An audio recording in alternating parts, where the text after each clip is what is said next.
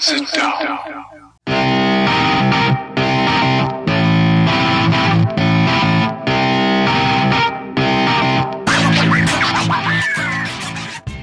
Witam wszystkich i każdego z osobna. Ja jestem Robert Kochan, a to jest Kochana NBA, najbardziej nieobiektywny podcast o najlepszej koszykarskiej lidze świata. Dzisiejszy odcinek będę miał przyjemność poprowadzić jak zwykle w towarzystwie mojego przyjaciela Wiara. Siema Wiaro.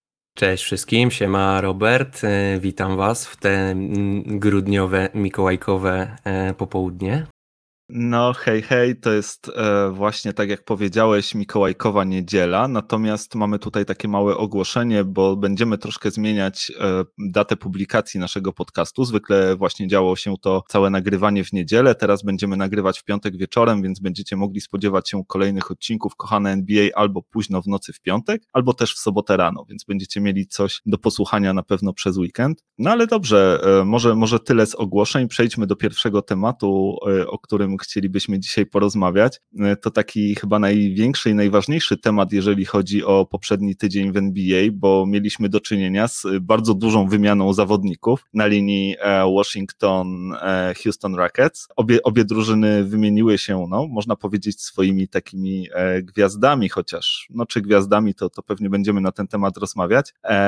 Washington Wizards wysłali do Houston Rockets Johna Walla i Protected First Round Pick z 2020 2023 roku, a w drugą stronę do Wizards z Houston powędrował Russell Westbrook. E, no, bardzo, bardzo wydaje mi się takie duże wydarzenie, jeżeli chodzi o, o NBA, jeden chyba z większych e, trade'ów na początku tego sezonu. Jak myślisz, Wiaro, kto wygrał tę wymianę? Um, ciężko powiedzieć, kto wygrał tą wymianę. Myślę, że to dopiero wyjdzie w praniu. Natomiast trade jest super ciekawy. Bardzo wielu um, komentatorów zwraca uwagę, że to jest takie trochę wymienił stryjek siekierkę na kijek, ale ja się z tym akurat nie zgadzam. Ja myślę, że to jest dobry trade um, i, i że obie drużyny mają szansę na tym skorzystać. Czy skorzystają? No to oczywiście wiele zależy od tego, jak y, będą się prezentowali ci dwaj zawodnicy w, naj, w najbliższym sezonie. No ale szanse na to myślę są tutaj duże. Mm, mnie się szczególnie podoba Russell Westbrook w Waszyngtonie. Wiesz, y, bardzo dobrze, że ja jestem ogromnym fanem tego zawodnika, to jest jeden z moich ulubionych zawodników w lidze, mm, ma swoje wady i to z tymi wadami trzeba żyć i ja to doskonale rozumiem, jakby liczę się z tym, natomiast y, ma też swoje zalety i, i tak tych zalet, które on ma, e, naprawdę ciężko upatrywać wręcz u innych zawodników NBA. No nikt nie gra z takim poświęceniem, z takim zaangażowaniem i z takim sercem w każdym meczu jak Russell Westbrook. I e, no plus, oczywiście nie zapominajmy o tym, że to jest e, super wszechstronny zawodnik, który tak naprawdę z pozycji rozgrywającego potrafi robić wszystko, pomijając skuteczne rzucanie, tak? On skutecznym rzuc rzucającym nie jest, nigdy nie będzie. No i oczywiście też będzie robił całą masę turnoverów, jak to Russell Westbrook ma w zwyczaju. Ale zwróć uwagę, jaką fajną drużynę dostał teraz dookoła siebie, tak? On, e, przypomnę ten sezon w Oklahomie, kiedy Kevin Durant sobie poszedł i na Russellu Westbrooku e, spoczywało ogromne brzemię całej, całej tej ofensywy, całego prowadzenia tej drużyny wtedy. No i Westbrook się z tego zadania fantastycznie wywiązał, notując triple-double w sezonie zasadniczym średnio, co, co, co wydawało się do tamtego momentu niemożliwe wręcz do, do osiągnięcia, a to jest zawodnik, który jeszcze to powtórzył i to dwukrotnie. E, więc to jest wybitny zawodnik, ma swoje wady, nie jest to, nie jest to taki stuprocentowy, powiedzmy, topowy, najwyższa półka w NBA, tak, LeBron James, Kevin Durant, e, to, to, to, to nie jest ten typ zawodnika, ale to jest półka niżej, to jest naprawdę gwiazda, to jest zawodnik, który potrafi przyciągnąć ludzi do areny, no i z tą drużyną, którą teraz ma w Waszyngtonie, z tą ilością shooterów dookoła niego, z tą ilością naprawdę snajperów, których ma do swojej dyspozycji i tym, jak ta drużyna jest rozłożona, no to będzie, moim zdaniem to jest świetny ruch e, ze strony Waszyngtonu, mm, a ze strony Houston, no to jak sam wiesz, Houston musi jakiś e, tutaj ruchów dokonywać, ani Russell Westbrook e, zażądał trade'a i zresztą James Harden też zażądał trade'a, więc tutaj trzymać tych zawodników e, u siebie w drużynie w tym momencie, wiedząc, że nie chcą tutaj być, nie jest najlepszym rozwiązaniem, mm, więc Houston taki troszeczkę mm, ruch powiedzmy fabank, no bo kontrakt Johna Walla jaki jest, wszyscy wiemy, śmiałeś się z niego już niejednokrotnie, że takie pieniądze za, za grajka, który nie, dość, że jak gra, to yy, śmierdzi trochę łajzą, to jeszcze ja zazwyczaj nie gra, bo jest kontuzjowany. No, Houston musi liczyć na to, co oczywiście jest bardzo wątpliwe i ja w to nie wierzę, że John Wall wróci do najlepszych lat swojego grania, no i że będzie się świetnie dogadywał z Jamesem Hardenem. Bardzo duże ryzyko moim zdaniem, marne szanse na to, że to się powiedzie, więc tutaj może być różnie, no ale z drugiej strony Houston z tym Russellem Westbrookiem też za wiele nie pokazało i za wiele nie wygrało, Westbrook się w tej drużynie ewidentnie nie sprawdzał, dwie piłki musiałyby być na boisku, żeby można było obsłużyć Russella Westbrooka i Jamesa Hardena, grających w jednej drużynie, e, na takie zmiany myślę NBA jeszcze nie jest gotowa, więc no musieli, musieli tej zmieniać, a jak sam wiesz, za Russella Westbrooka ciężko było w tym momencie dostać coś lepszego niż im się udało dostać. John Wall to jakby nie było, jest zawodnik, który kiedyś y, przed tymi wszystkimi kontuzjami prezentował naprawdę elitarny poziom na, we wschodniej konferencji, więc jeżeli będzie w stanie gdzieś do tego nawiązać, do tego wrócić, no to Houston liczy na to, że gdzieś tam dogada się z Jamesem Hardenem i może gdzieś to się uda poukładać. E, no, jest tutaj tak dużo rzeczy do odpakowania przy okazji tego trade'a, że aż e, sam nie wiem e, od czego zacząć. Może zacznę od takich e, osobistych przemyśleń, bo, bo kiedy właśnie pierwszy raz zobaczyłem wiadomość o tym, że, że ten trade właśnie został dokonany, to moją pierwszą myślą było to, co, o czym gdzieś tam wspomniałeś, to zamienił stryjek siekierkę na kijek, tylko że u mnie to wyglądało bardziej tak, e, jak jakbym powiedział, że, że my byśmy się zamienili, ja oddałbym ci moją kontuzję kolana, a ty dałbyś mi swoją wadę wzroku. E, i, i, i, i że mniej więcej tak to wyglądało, natomiast kiedy kiedy bardziej zacząłem zastanawiać się nad tym e, tematem, no to uznałem, że jednak e, popełniłem e, duży błąd.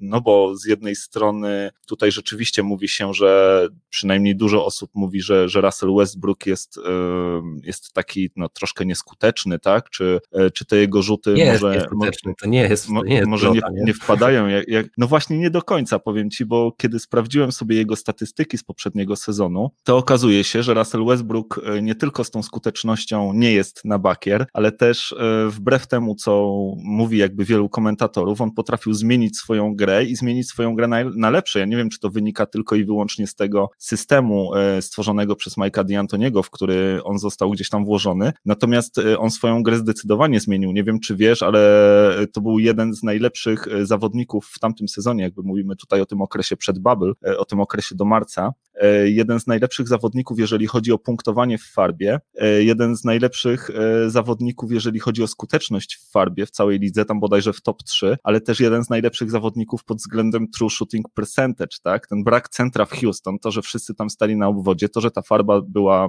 e, otwarta, to pozwoliło Russellowi Westbrookowi wchodzić w tą farbę, atakować kosz, atakować obręcz. On w tym się jakby świetnie czuje, robił to na bardzo wysokiej skuteczności, ograniczył tą ilość rzutów z dystansu, które, które tak często nie wpadały i, i które były takie, takie nieefektywne. No i okazuje się, że Russell Westbrook potrafi nie tylko jakby grać na, na, na dobrym poziomie, ale też e, grać na naprawdę niezłych skutecznościach i e, ja byłem tym na przykład faktem bardzo zaskoczony, tak? I, Pozwól, że się wtrącę. Y, mnie to akurat mniej trochę zaskakuje, bo Westbrook zawsze pod koszem grał skutecznie, on zawsze pod koszem grał dobrze. No właśnie największy problem był u niego zawsze z tym, że mm, oddawał sporo rzutów z półdystansu i bardzo lubił takie, wiesz, bardzo szybkie wjazdy pod kosz, zatrzymanie się gdzieś e, na linii rzutów osobistych, wyjście w górę i po prostu jump shot. No i to nie jest jego granie i to, to są te jego słabe skuteczności. Ale oczywiście tutaj masz rację, jeżeli Russell Westbrook gra pod swoje silne strony, nie rzuca trójek, nie rzuca długich e, tych, tych long dwójek, tych najgorszych e, rzutów w NBA, tak, tylko skupia się na tym, co, o, o czym właśnie powiedziałeś, no to mnie to w ogóle nie dziwi, że wiesz, że, że, że, że on na takich wysokich skutecznościach gra. To zawsze było jego, jego, mm,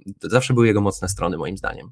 Wiesz, to nie jest też tak, że to jest jakieś tylko i wyłącznie moje spostrzeżenie, no bo też trzeba zwrócić uwagę na fakt, że jednak Russell Westbrook trafił e, do grupy All-NBA poprzedniego sezonu, tak? Do tej najlepszej piętnastki e, zawodników e, poprzedniego sezonu zasadniczego, więc jak najbardziej ten sezon miał bardziej uda bardzo udany. Został też jakby doceniony przez fachowców za to, w jaki sposób grał w koszykówkę. No i tutaj też przechodząc do Waszyngtonu, gdzie jeszcze dodatkowo patrząc właśnie na ten skład, o którym wspomniałeś, tam będzie bardzo dużo takich fajnych zawodników na obwodzie, którzy potrafią trójki rzucać na wysokich skutecznościach. Nie tylko Bradley Bill, ale też, e, ale też Bertans na przykład, który, który potrafi rzucić e, trójki no, bardzo, bardzo skutecznie. Cho, choćby nowy Dani Avdia, który też potrafi trójki rzucać z bardzo dobrą skutecznością. Nie? Czy Rui Hachimura, który również ma szansę Rui stać Hachimura, się bardzo, bardzo dobrym shooterem, więc tutaj Russell Westbrook może się naprawdę e, bardzo fajnie wpisać w tę drużynę.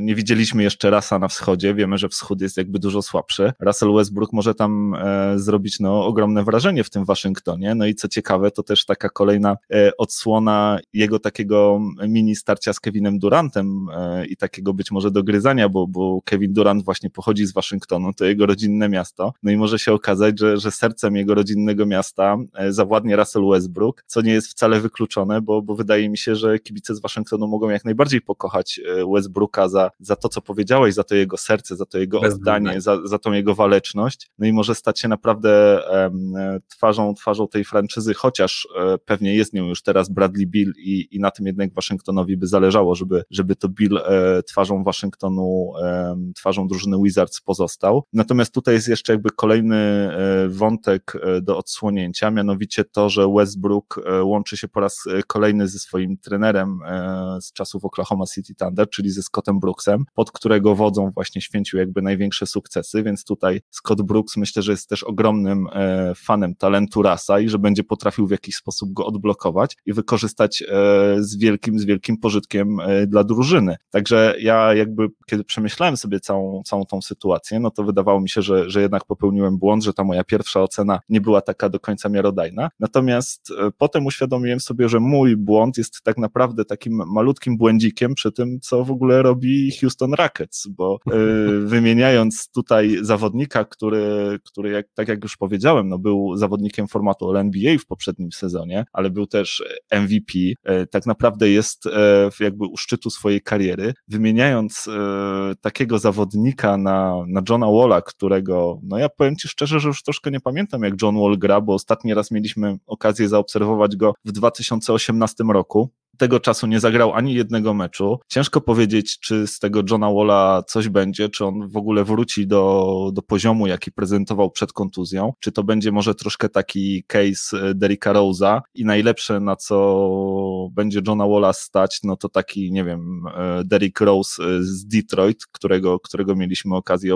obserwować. No ale obie drużyny chyba no, nie do końca e, miały, miały pole manewru. Z tego, co, co kojarzę, to ten trade doszedł tak późno e, do skutku, dlatego że, mm, że po prostu wysypała się liczba chętnych, bo o ile wcześniej e, o względy Westbrooka czy, czy o jego sprowadzenie do swojej drużyny walczyło jeszcze kilka drużyn, mówiło się o Knicksach, o Charlotte i o Clippersach, o tyle kiedy skończył się draft, kiedy Charlotte wydraftowało Lamelo Bola, czyli, czyli swojego point guarda na przyszłość, nagle wszystkie te drużyny wycofały się z chęci walki o Westbrooka, no i Houston no jakby nie miało wielkiego pola manewru. Dlatego pewnie zgodzili się na, na tą wymianę z Wizards. Swoją drogą e, całość ponoć została dogadana e, w 2-3 godziny, kiedy po prostu GM-owie obu zespołów dzwonili się ze sobą na początku jeszcze bez, bez jakichś takich konkretnych ustaleń. Wszystko podczas jednej rozmowy telefonicznej podobno zostało ustalone. No i taka, taka wymiana e, doszła do skutku. No, wydaje mi się coś niesamowitego, jeżeli chodzi o NBA i o zawodników takiego formatu, żeby taki, taki trade został tak szybko dogadany. Natomiast ja myślę, że no Houston e, sporo, sporo na tym tradzie straciło. No tak, Houston bardzo dużo na tym tradzie straciło, no ale weź pod uwagę, że jest inna sytuacja, kiedy przychodzi do ciebie nie wiem, Andrew Wiggins i mówi, że chce, żebyś go wytradował, a kiedy przychodzi do ciebie Russell Westbrook i mówi, że chce, żebyś go wytradował. No przecież Westbrook to nie jest gość, z którym można, wiesz, no Westbrook jak mówi, że nie chce tu być, no to lepiej go wytraduj, bo to się, bo to się źle dla ciebie skończy, jak on zostanie w tej drużynie, tak? E, więc y, Houston było pod, pod kompletną ścianą moim zdaniem, no nie mieli wyjścia, mus, mus, musieli to po prostu zrobić. A tak tak jak mówisz, nie było nic lepszego mm, dla nich też y, do wzięcia, no bo wyschło jakby źródełko i nie było chętnych na, na Russella Westbrooka po drafcie, nie? Mm, zostało tak został tak naprawdę tylko Waszyngton. Ja jeszcze zwrócę na jedną uwagę tutaj rzecz. Jest ciekawa też, mówiłeś o tym, że Russell Westbrook i mm, Scott Brooks będą znowu mieli okazję ze sobą pracować w NBA. No i bardzo podobnie ma się tutaj sytuacja z Johnem Wallem i Bugim Kazinsem, którzy wracają do swojego Kentucky Connection, tak jak kiedyś grali razem, przyjaciele z boiska, e, czy też ziomeczki z boiska, bardziej można by to ująć tak, bo to, to u nich to, to jest raczej taka mocno mm, uliczna y, tożsamość. Chłopaki wiesz, raczej bawią wiesz, się... Nie, nie zdziwiłbym się, jakby w tym sezonie zmienili im ksywę na ziomeczki z ławeczki. Może się to tak skończyć. Mm, e, no w każdym razie to jest na pewno gdzieś tam też ciekawe, mm, że po tylu latach chłopaki spotykają się w jednej drużynie. Mówiło się o tym, oni o tym wspominali już nawet w drafcie, to mówili o tym, że chcieliby kiedyś zagrać razem i chcieliby spróbować kiedyś coś wygrać. E, no będą mieli okazję. Zobaczymy, czy po tych latach jeszcze z tego gadania coś zostało i, i, i uda im się coś wykrzesać. No ja raczej tego za bardzo nie widzę, powiem ci szczerze. Też gdzieś tam nawiązując do tego, o czym wspomniałeś, że mm, kiedy Russell Westbrook prosi o trade'a, to tego trade'a dokonujesz. E, sprawa z tym, z tą prośbą, z tym requestem Russella Westbrooka odnośnie trade'a wygląda troszkę w ten sposób, że była to odpowiedź na to, co zrobił James Harden. Po prostu James Harden był mocno niezadowolony ze zmian, jakie zaszły w Houston, z odejścia Darela Moreya, z zatrudnienia na, na stanowisku head coacha e, Stefana Silasa. Zresztą Stephen Silas został takim troszkę kozłem ofiarnym tego wszystkiego, bo asystent e, jakby z wieloletnim stażem, który jak najbardziej zasłużył na, na robotę w NBA, zresztą e, czarnoskóry coach. Bardzo dużo w NBA mówi się o tym, że tych czarnoskórych e, trenerów jest jednak jak na lekarstwo. No i proszę tutaj, kiedy nagle jeden, i to zwłaszcza taki, który długo czekał na swoją szansę, w końcu ją dostaje, to najlepsi zawodnicy e, jego drużyny nagle wypinają się na niego i stwierdzają, że nie będą chcieli dla, dla niego grać. No i właśnie taką decyzję podjął e, Harden, a, a z tego co wiem, przynajmniej decyzja Westbrooka była jakby wtórna co do tego. No, nie chciał zostać sam e, w Houston, które, które miałoby się rozpaść, więc e, też poprosił o, o trade'a. E, swoją drogą to jest ciekawe, no jeszcze jakby nawiązując do tego, co powiedziałem, to Houston e, no zdecydowanie nie chce pozbywać się Hardena, zresztą, zresztą nie mają za co. Oni chcieliby tego Hardena jeszcze jakby dłużej podpisać, chcieliby, żeby podpisał właśnie z nimi przedłużenie kontraktu. On nie bardzo e, ma na to ochotę, oni go kuszą, podchodzą jakby od, od, od różnych stron, natomiast no nie, nie wygląda, żeby się to miało stać. Natomiast e, no właśnie, Westbrooka nie bali się e, szybko wytradować, z Hardenem pewnie tak łatwo nie pójdzie, będą chcieli go trzymać i zobaczyć przynajmniej jak ta drużyna poradzi sobie w tym sezonie.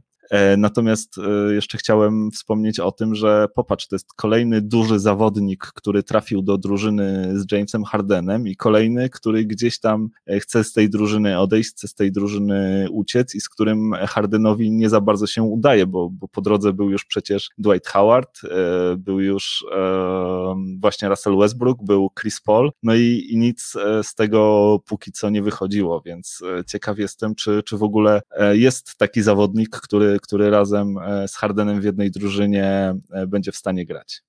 No, wiesz co ciekawe, ale zwróć też uwagę na to, że Dwight Howard to akurat jest taki zawodnik, który się przez całą swoją karierę z żadnym superstarem, z którym grał, nie dogadał. Dopiero kiedy w ostatnim swoim roku przyszedł y, do drużyny prowadzonej przez LeBrona Jamesa, to udało mu się coś osiągnąć i to nie, nie był już gwiazdą w żadnym, w żadnym wymiarze w tej drużynie. A jak z tej drużyny odszedł, to mówiliśmy w naszym ostatnim odcinku, więc y, słuchaj, Dwight Howard, to jednak się nie dziw, że się z nim y, Harden nie dogadał. Tutaj bym Hardena bronił pod tym kątem. No kogo jeszcze wymieniłeś, tak? Russella Westbrooka i Chrisa Paula. No to Russell Westbrook to jest akurat dziwne, że się nie dogadali chłopaki, bo podobno są, są bardzo bliskimi przyjaciółmi. No ale Chris Paul też już wspominaliśmy, że z Chrisem Paulem się możesz dogadać na, taki, na jego warunkach za bardziej, tak? Albo się. Chris Paul jest też takim zawodnikiem, e, z którym nie każdy się dogaduje i, i nie jest to takie proste. Więc być może coś w tym jest, być może Harden też jest takim zawodnikiem, z którym po prostu się nie da dogadać i jest dziwny i jakiś taki wiesz. Ale nie wyciągałbym takich wniosków tylko dlatego, że nie dogadał się z Chrisem Polem i Dwightem Howardem. Znaczy wiesz, ja myślę, że e, James Harden i Russell Westbrook świetnie się dogadują, natomiast świetnie dogadują się poza boiskiem, niekoniecznie na nim, bo, bo na tym e, boisku, na tym parkiecie jest jednak tylko jedna piłka, a obydwaj ci zawodnicy lubią tę piłkę mieć właśnie w swoich rękach. Obydwaj słyną z tego, że mają jakby duży usage e, percentage, tak, że, że dużo tego czasu spędzają na piłce i to oni chcą dyrygować grą zespołu. Mm, dlatego no jakby nie dziwi mnie to, że, że od takiej jakby strony koszykarskiej oni nie do końca się dogadują. Natomiast no słuchaj, porozmawialiśmy już troszkę o tym, jak widzimy Russella Westbrooka w e, drużynie Washington Wizards. Powiedz mi, jak e, ty widzisz e, Johna Walla w Houston Rockets?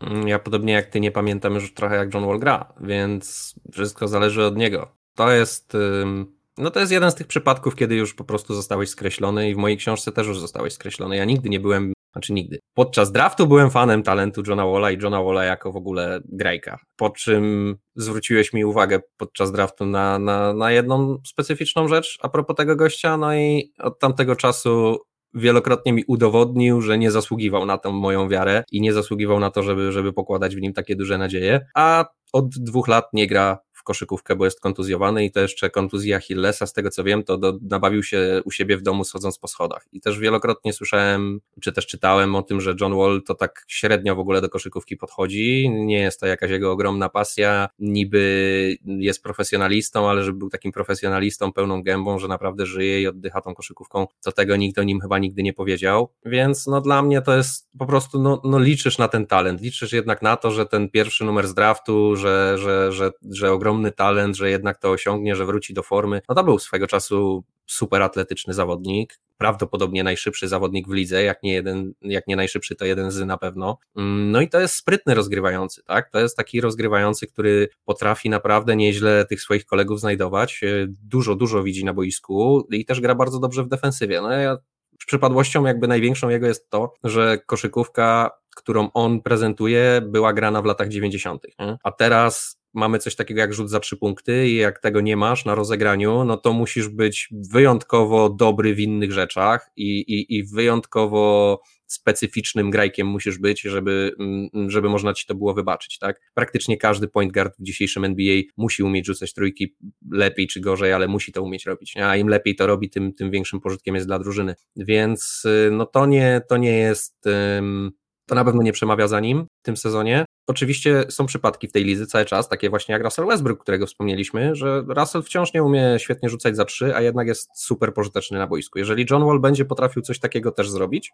no to coś z tego będzie, ale ja, ja w to nie wierzę. Ja, to dla mnie to są marne szanse, dla mnie to jest po prostu zwykły mm, ruch osoby przypartej do muru, tak? Houston było tutaj przyparte do muru, zapędzone w róg i, i, i po prostu nie mieli wyjścia. Taki desperacki ruch i wątpię, żeby to, żeby to przyniosło jakieś wielkie owoce. No ja zdecydowanie też wątpię. Ja tutaj w przypadku Johna Walla, prawdę mówiąc, e, na nic nie liczę. Też podobnie jak ty właśnie słyszałem o tym jego podejściu do, do koszykówki, można tak powiedzieć, czy do grania, czy do, czy do tego bycia e, profesjonalistą. Zresztą ponoć e, jest to jeden z głównych powodów też, dlaczego John Wall został wytradowany. Podobno włodarzom e, drużyny Waszyngtonu bardzo nie podobało się to jego jakby podejście do rehabilitacji, to jego podejście do leczenia kontuzji, do, do tego, no, żeby... Bradley Bill też wspominał, że się mu nie spieszyło jakby z powrotem na boisko, nie? Raz, że się mu nie spieszyło z powrotem na boisko. Zresztą czemu miałoby mu się spieszyć? Podpisał, wiesz, fantastyczny kontrakt, zarabiał wiele milionów, czy wiele dziesiąt milionów e, każdego sezonu. Wszystko jest gwarantowane. Czy może to by chciał, nie? Czy będzie grał, czy będzie siedział, zarobi e, dokładnie tyle samo. No a podobno właśnie e, szefowie, szefowie drużyny Wizards bardzo byli przez to na, na Westbrooka źli. Zresztą on co chwila, znaczy nie na Westbrooka, tylko przepraszam, na Walla e, źli. On też im co chwila podobno dawał powody do tego, żeby, żeby właśnie wątpić w niego jeszcze bardziej, że tutaj podobno e, wrzucił sobie zdjęcie bez koszulki z jakiejś imprezy, pokazując jakieś w ogóle znaki kojarzone z gangami i tak dalej. E, co chwila, co chwila gdzieś tam się musieli do niego odzywać, pytać what the fuck, e, Johnny i w końcu chyba no, przelała się czara goryczy, no i pozbyli się tego, tego balastu, no a w zamian, e, w zamian właśnie dostali, dostali Russella Westbrooka. Ja powiem Ci szczerze, że nie wiem jak to, jak to będzie w przypadku drużyny z Houston, ja tu widzę coraz większe staczanie się po równi pochyłej. Wydaje mi się, że no, patrząc też na skład tej drużyny, okay, może oni jeszcze będą gdzieś tam walczyli o te playoffy, może gdzieś tam na tych ostatnich miejscach będą próbowali się załapać, ale może się też okazać, że, że tej drużynie będzie szło bardzo słabo. Jak, jak wiemy, z niewolnika nie ma pracownika, więc nie wiadomo też, jak będzie zachowywał się James Harden. No a jeśli wytradują też Hardena, no to może być dla tej drużyny naprawdę ciężko, zwłaszcza, że większość tych swoich e, draft pików e, na przyszłość e, no, porozdawali już, tak? Przede wszystkim e, właśnie na przykład w wymianie za Russella Westbrooka, z czego odzyskali tylko jeden e, protected first round pick i to jeszcze taki, że nawet gdyby drużyna Wizards się rozsypała cała, to i tak Houston na tym e, nic nie zyska, bo, bo te piki są tak chronione, że, że na pewno nic powyżej dziesiątego wyboru Houston nie dostanie, a prawdopodobnie będzie to nawet niżej niż, niż lotery pick. No, szykują się chude lata w Houston. Nie zazdroszczę kibicom Houston. Chyba moje słowa a propos tego, że ta rakieta na księżyc nie doleci, były mocno prorocze. No, ten okręt tonie, także no, co zrobić? No, no, no, no, przebudować, tak? Tak to, się, tak, tak, tak to się dzieje w NBA, no nieudane eksperymenty, mm, tak to się często kończy. Mm, no i tak też się to skończyło w tym przypadku moim zdaniem Houston Rockets. No, no cóż więcej tutaj można liczyć? No można liczyć na to, że, że James Harden wespnie się naprawdę na jakieś wyżyny grania jeszcze większe niż, niż to, co do tej pory pokazywał, ale no to już są takie marzenia ściętej głowy trochę. Znaczy wiesz, ja bym się nie zdziwił, jakby Harden zagrał na przykład fantastyczny sezon, taki sezon formatu MVP, natomiast no, znając Jamesa, to niezależnie od tego, jaki ten sezon będzie, to i tak w playoffach wszystko się okaże, tak? I, i znowu pewnie e, Harden będzie miał fatalną skuteczność, znowu będzie bardzo zmęczony po tym właśnie całym sezonie i no i pewnie znowu nie będzie za bardzo można na niego liczyć. No, pełna zgoda. No, no nie znęcajmy się już nad Houston. No, nie, nie wygląda dla nich dobrze ten sezon i najbliższe lata, także. Dobra, koniec znęcania się nad Houston. W takim razie kończąc ten temat, mam jeszcze do ciebie takie ostatnie pytanie. Jak myślisz, czy Washington Wizards z tym składem awansują do playoffów na wschodzie? Na 100%. Jeżeli będą zdrowi oczywiście, to, to 100%. To Russell Westbrook plus Bradley Bill to jest dla mnie na wschodzie, nawet myślę, że się będą bili o miejsca 1-4. O, to ja zupełnie tak nie uważam, żeby, żeby to miało być takie, takie wysokie e, lokaty, natomiast no myślę, że rzeczywiście na te playoffy mają dużą szansę, zwłaszcza jeżeli Bradley Bill zagra podobny sezon jak, e, jak ostatni, gdzie no naprawdę zagrał fantastycznie i ja byłem jakby mocno zdziwiony, że mm, nie został wybrany właśnie do, do tych drużyn All NBA.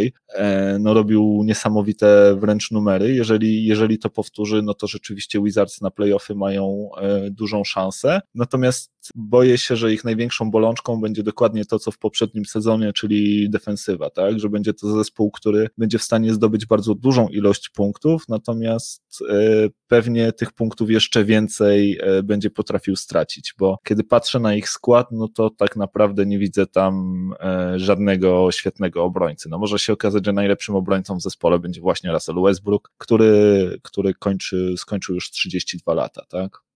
Zgoda, tak. Tutaj w defensywie na pewno będzie problem, ale wiesz co, powiem Ci jeszcze z innego kąta jakby. Mm, oni po prostu chcą grać coś, co się sprawdza. Ten jakby system się sprawdza, to już wielokrotnie w NBA udowodnili, jak masz dwóch świetnych gardów, czy też y, zawodników rozgrywających, tak? To, mm, no to to się po prostu sprawdza, tym bardziej jeżeli oni się w ten sposób uzupełniają jak Westbrook i Bradley Bill. Ta, te, te puzzle do siebie pasują, tak? Ta układanka po prostu do siebie pasuje. Jeden jest fantastycznym rzucającym, fantastycznym shooterem i to takim gościem, który potrafi po prostu dostać piłkę, rzucić i jest truja, tak? I wystarczy, że będzie sobie biegał za zasłony i tak dalej. A jednocześnie jest też bardzo fajnym kreatorem akcji, tak? Potrafi wziąć na siebie ten ciężar rozgrywania mm, akcji, potrafi obsłużyć kolegów. Jedynie, jedyny problem to będzie ten, ta defensywa. Moim zdaniem ta drużyna spokojnie awansuje do playoffów, a niewykluczone, że będą się bili o czwarte miejsce tak naprawdę, bo 1-3 to raczej e, poza ich zasięgiem jest.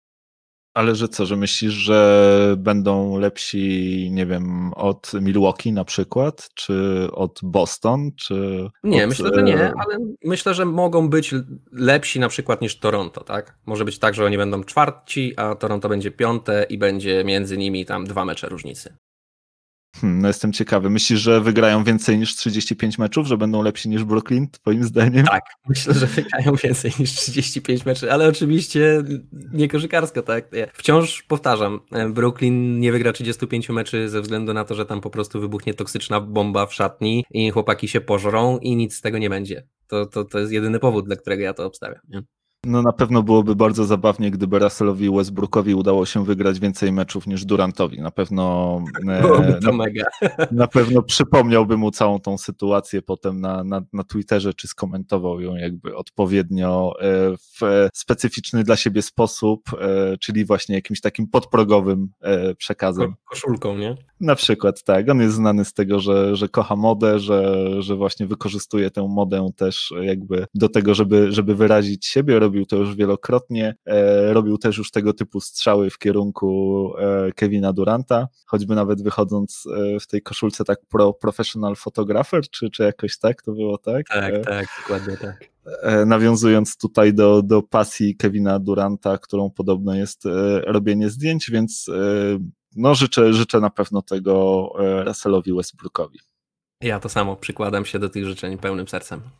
E, dobrze, słuchaj, przejdźmy może w takim razie do drugiego tematu, o którym chciałbym dzisiaj z Tobą porozmawiać, bo to jest chyba no, też e, drugi najważniejszy temat poprzedniego tygodnia. E, mianowicie chodzi tutaj o drużynę Lakers i o przedłużenia kontraktów, których, których właśnie dokonała. Przedłużenia kontraktów swoich dwóch najważniejszych zawodników, bo zarówno LeBron James podpisał przedłużenie swojego kontraktu, przedłużył go o dwa lata na kwotę 80 kilku milionów, bodajże 86 niecałych. No oraz e, swoją umowę przedłużył też Antony Davis, ten z kolei na 5 lat i tutaj jego kontrakt e, wart będzie 190 milionów. Który z Twoim zdaniem z tych podpisów e, jest ważniejszy?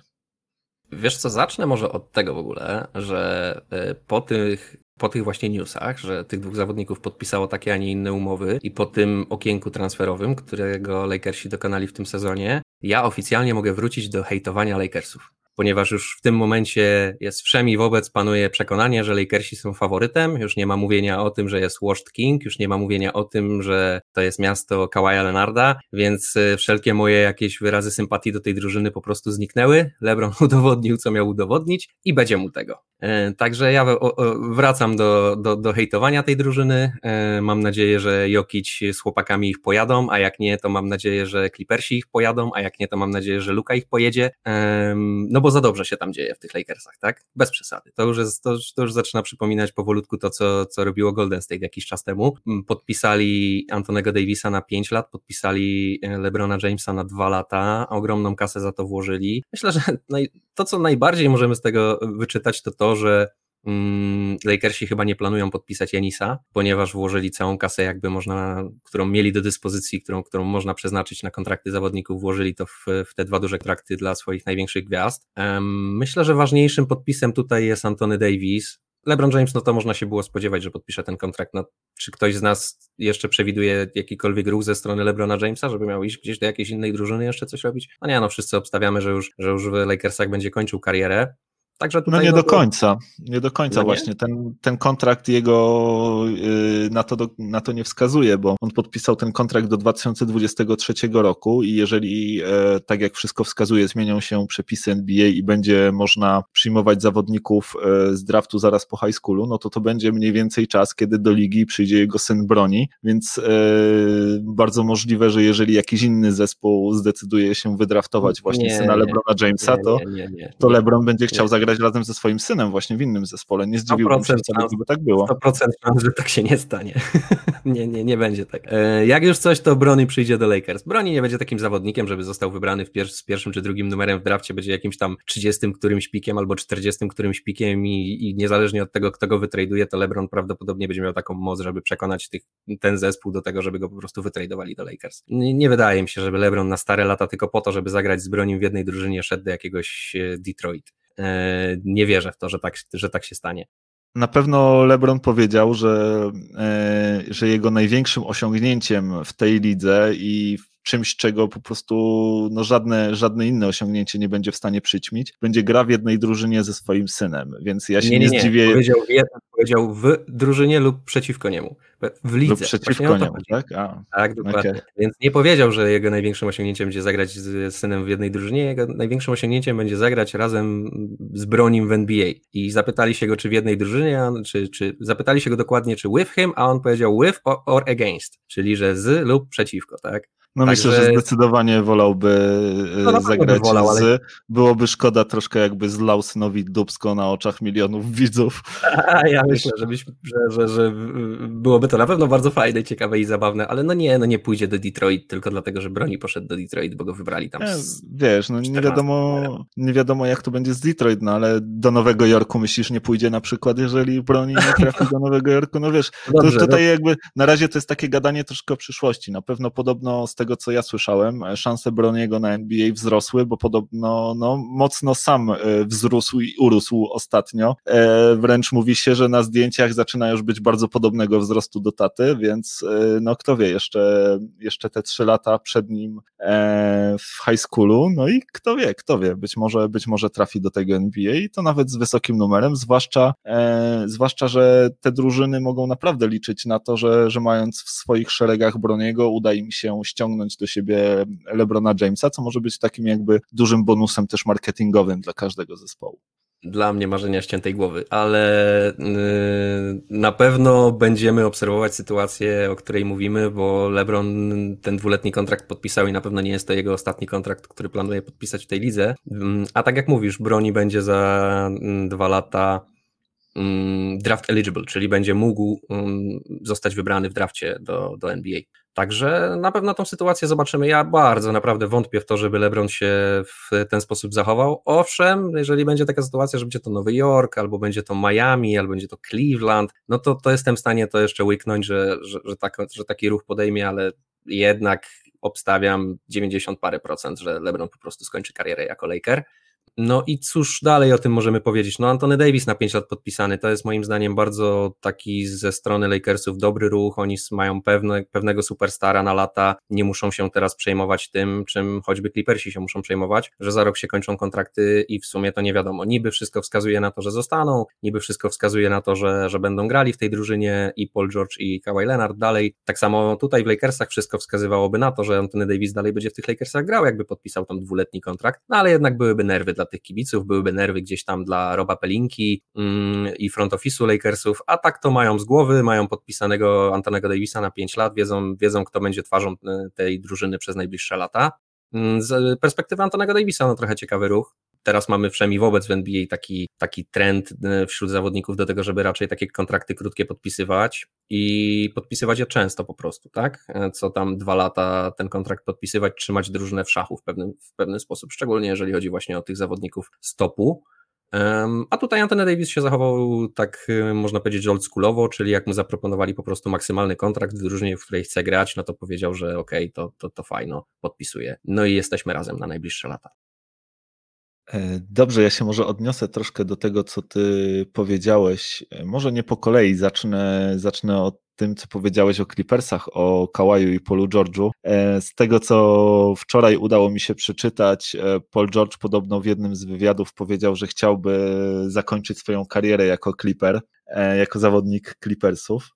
To jest bardzo ciekawe. Nie spodziewałem się takich deklaracji po nim, natomiast no, to sprawia, że wiesz co, to sprawia, że mam jeszcze większą gęsią skórkę, bo boję się, że to może być taka sprawiedliwość dziejowa, bo ja już słyszałem podobne deklaracje, tylko właśnie z drugiej strony, kiedy Clippersi powiedzieli Blake'owi Griffinowi, że, hmm. że on zostanie tutaj do końca swojej kariery i że właśnie he retire, a, a, a za Clipper do, do, dokładnie w ten sposób, więc zastanawiam się, czy to nie będzie tak, e, że karma trochę wraca i tak jak um, Clippersi powiedzieli Blake'owi Griffinowi, że chcą z nim zostać na zawsze, po czym go wytradowali, to czy nie skończy się tak, że Paul George teraz mówi, że chce zostać na zawsze w Clippersach, po czym e, jak to on znajdzie sobie gdzieś inne miejsce i, i jak to e, określił kiedyś Damian Lillard w jednym ze swoich tweetów, będzie dalej uciekał przed tym grindem, tak? Natomiast no zobaczymy, zobaczymy. Paul George na razie deklaruje, że chce w Clippersach zostać. Podobnie z tego, co słyszałem ostatnio, Kawhi Leonard, który stwierdził, że jest troszkę jakby rozdrażniony, ale że bardzo to lubi, bo, bo to jest właśnie taki challenge, y, którego on y, oczekuje i challenge, który, który kocha, więc niewykluczone, że, że jednak ci zawodnicy zostają. E, wracając jednak do Lakersów i, i tego, o czym rozmawialiśmy, tutaj e, wspomniałeś o tym, że prawdopodobnie Janis nie przyjdzie w przyszłym roku do Lakersów, że te kontrakty jakby o tym świadczą. Ja myślę, że te kontrakty mogą mogą być troszkę pochodną tego, co właśnie Janis w poprzednim e, tygodniu powiedział, bo w jednym z wywiadów dał do zrozumienia, że absolutnie nie przeszkadza mu rola bycia drugim czy trzecim najlepszym zawodnikiem w zespole, jeżeli tylko e, tym zespołem będzie Milwaukee Bucks, e, więc zresztą zapraszał do tego zespołu zarówno LeBrona, jak i Antonego Davisa, którzy wtedy jeszcze tych kontraktów nie mieli podpisanych. No i zaraz po tym w zasadzie kilkanaście godzin po tej deklaracji zarówno LeBron James, jak i Antony Davis podpisali swoje kontrakty. Więc może się okazać, że, że tak naprawdę Janis już, jest już gdzieś tam posłowie z Milwaukee, że, że podpisze ten maksymalny kontrakt, który, który został mu e, zaproponowany, no i że Lakersi o tym wiedzą, dlatego, dlatego te swoje e, dwie wielkie gwiazdy podpisali. E, wracając jeszcze gdzieś tam do tych podpisów, ty mówisz, że, że tutaj kontrakt Antonego Davisa ważniejszy, ja się z tym nie do końca zgodzę. Okej, okay, fajnie, Lakers podpisali sobie wielką gwiazdę, która będzie z nimi przez lata, natomiast moim zdaniem ważniejszy jest jest ten kontrakt LeBrona Jamesa, a to tylko i wyłącznie z tego powodu, że uważam, że gdyby tego kontraktu LeBrona Jamesa nie było, to pewnie nie byłoby też kontraktu Antonego Davisa. Nie zdziwiłbym się, że gdyby powiedzmy LeBron odszedł gdzieś do innej drużyny, to Antony Davis wcale nie zdecydowałby się e, zostać z Lakersami. Być może, być może wybrałby jakieś inne miejsce, zresztą nigdy do Lakersów by nie trafił, gdyby, gdyby nie LeBron James, dlatego uważam, że, że być może ten kontrakt e, króla jest, e, jest odrobinę ważniejszy. Swoją drogą nie wiem, czy wiesz, ale LeBron James zarobił już na parkiecie 435 milionów dolarów od początku swojej kariery, licząc tylko i wyłącznie sumę jego kontraktów, no to jest e, wręcz niebotyczna e, kwota. Jest tylko jednym e, z trzech zawodników, którzy podpisali wielokrotne 30-milionowe kontrakty i więcej. Pozostałą dwójką, nie wiem, chcesz się pobawić w zgadywankę, czy, czy, czy powiedzieć ci po prostu? Kobe Bryant? Nie. Nie Kobi. Z, te, z, tego, co przynajmniej widziałem, to nie. E, e, może chodzi tutaj e, o ciągle grających zawodników, nie wiem. W każdym razie Kobiego nie było na liście. Ciągle grających zawodników? Któż może Tak, wiesz, wiesz co, być może, e, być może te kontrakty Kobiego nie wykraczały ponad 30 milionów, jeżeli chodzi o średnią na przykład, tak? Że być może, no, być może na początku to było 20 kilka milionów, a na przykład pod koniec kontraktu było 30, natomiast no to też były troszkę inne czasy jeszcze dla NBA, nie? nie wiem, jeszcze Kevin Durant mi tylko przychodzi do głowy. Jednym z nich jest Kevin Durant, dokładnie, a, a drugim, czyli trzecim e, tak naprawdę w tym gronie jest Gordon Hayward. Także takie swoim, swoim ostatnim kontraktem się właśnie zdołał e, wbić na tą listę. Także LeBron James, no kolejne ogromne pieniądze, 86 milionów, e, słuchaj, za dwa sezony, to wychodzi mniej więcej 3,5 miliona na miesiąc, 117 tysięcy na dzień, podobno 5 tysięcy dolarów na godzinę, 82 dolary na minutę, i dolar 36 centów na sekundę, więc w czasie pewnie jak rozmawiamy na ten temat, LeBron James zarobił pewnie więcej niż ja miesiąc w mojej, w miesiąc w mojej pracy, e, no, no ale najlepszym, najlepszym się tyle płaci. Tak, no to jest e, nie bez kozery, e, ma, ma przydomek król, LeBron James tam, gdzie się pojawia, tam prowadzi swoją drużynę do finałów, a niejednokrotnie także wygrywa z nią finały, więc no jakby nie ma się czemu dziwić i myślę, że Lakers e, bez mrugnięcia okiem zaproponowali mu te pieniądze. Ale będzie już tego wygrywania LeBronowi i Lakersom. No już myślę wystarczy. Najwyższy czas na to, żeby, żeby ktoś inny też coś powygrywał w tej lidze. Mam taką nadzieję i na to liczę. E, słuchaj, dobrze, no to mm, na koniec zostały nam takie, no może troszkę e, zabawy w wybieranki, bo tutaj chciałbym porozmawiać z Tobą o dwóch e, dniach z kalendarza NBA, który ostatnio został jakby wypuszczony do, do mediów, gdzie mogliśmy zobaczyć, kto i z kim, kiedy mniej więcej będzie grać. No i chciałbym tutaj porozmawiać z Tobą o tym jakby dniu otwarcia, kiedy mamy do czynienia z dwoma meczami oraz o Christmas Day, czyli takim no, jednym chyba z najważniejszych dni, jeżeli chodzi o kalendarz e, NBA. Pierwszego dnia, jeżeli chodzi o Kia Tip-Off 2020, czyli o wtorek 22 grudnia, będziemy mieli, jak już wspomniałem, dwa mecze. Pierwszym z nich będzie Golden State Warriors versus Brooklyn Nets, a drugim będą derby Los Angeles, czyli Clippers Lakers. Jak widać, NBA zamierza zacząć od dużego uderzenia. Który Twoim zdaniem z tych meczów będzie ciekawszy, czy, czy który bardziej chciałbyś zobaczyć? To bardzo trudne pytanie jest. To, są fantastyczne mecze. Ja w sumie to czekam na oba bardzo z, z ogromną niecierpliwością. Chyba jednak bardziej czekam na derby Los Angeles.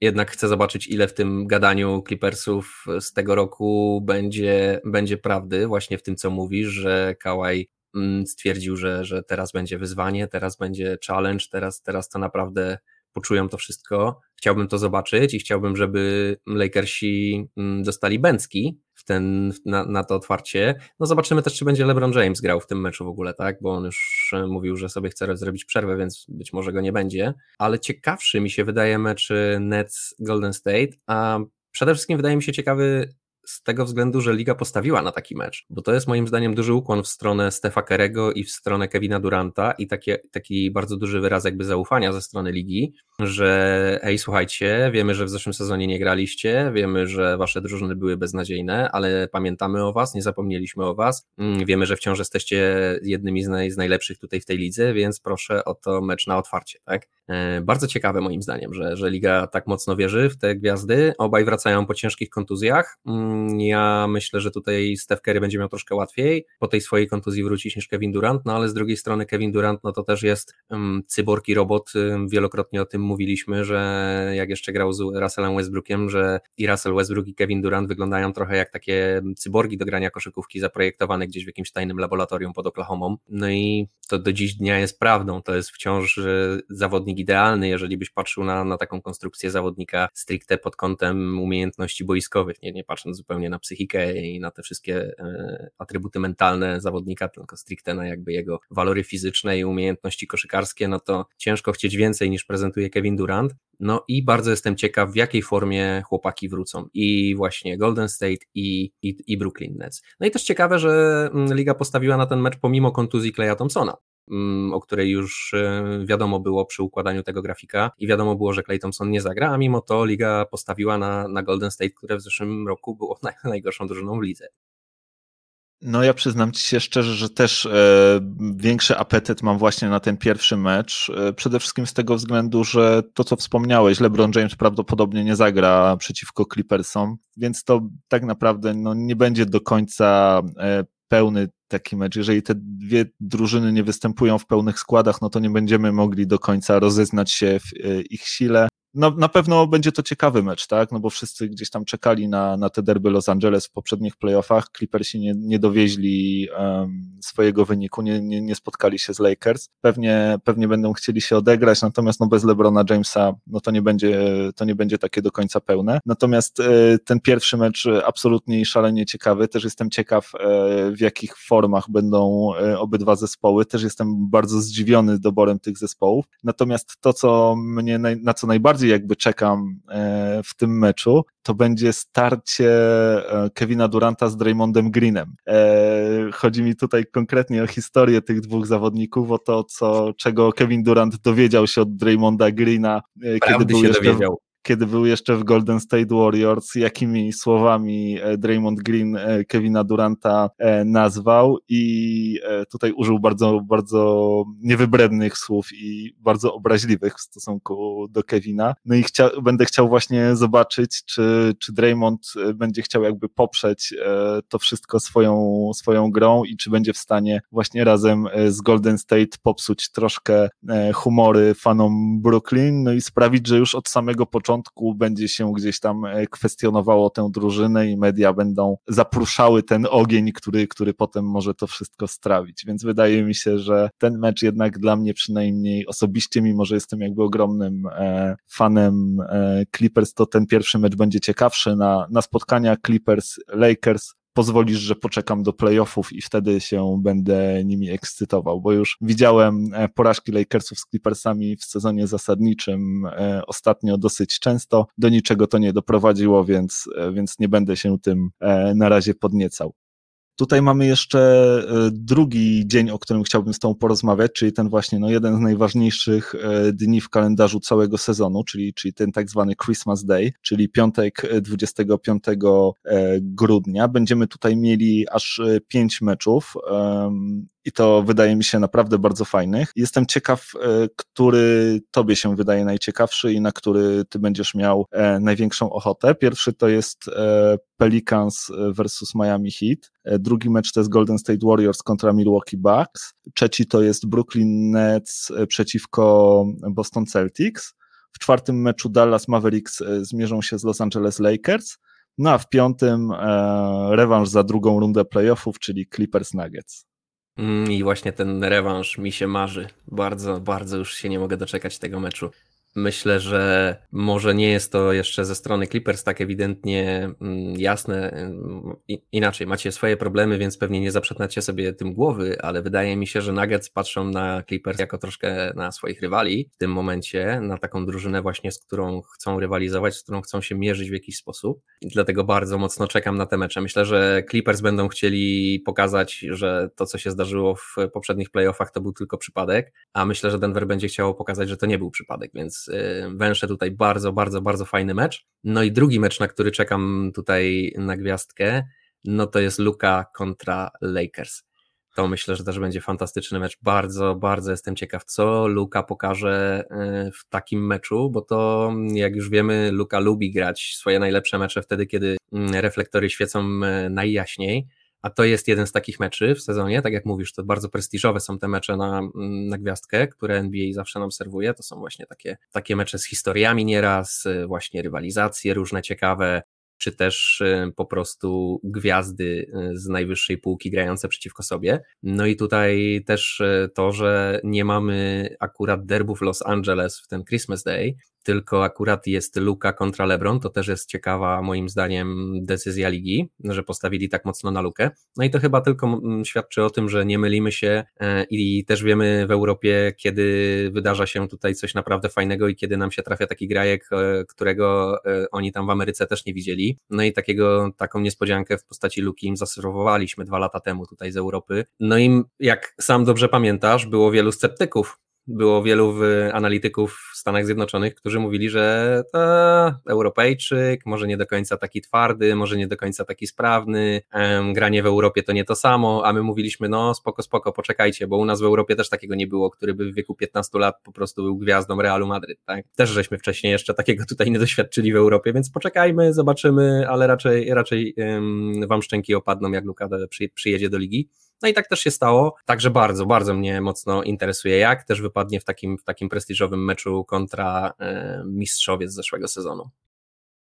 No ja tutaj nie będę wcale oryginalny i też właśnie wybiorę ten mecz. Dallas przeciwko Lakers. Zobaczenie Luki e, w Christmas Day, no to to jest e, coś, co, co, co bardzo chciałbym właśnie przeżyć. No nie mam tu jakby wiele więcej do dodania niż ty powiedziałeś, może tylko tyle, że to jakby Luka i, Chris, i Christmas Day świetnie do siebie pasują. E, Halleluka, jak to, e, jak to mawiają. Zresztą e, NBA się chyba z tym zgadza, bo to będzie jedyny mecz, który będzie transmitowany aż przez e, dwie national televisions, czyli te, te najważniejsze jakby, nie, może nie narodowe media, bo to, bo to u nas w kraju może troszkę dziwnie brzmi, natomiast te jakby ogólnopaństwowe, te, które mają zasięg na całe Stany. Ten, ten właśnie mecz będzie, będzie przez wszystkich pokazywany, no i chciałbym, e, żeby LeBron w tym meczu zagrał, żebyśmy mogli zobaczyć właśnie Lukę naprzeciwko Lebrona i, i być może będzie to taki początek przekazywania e, władzy w NBA, e, na co, na co gdzieś tam troszkę liczę.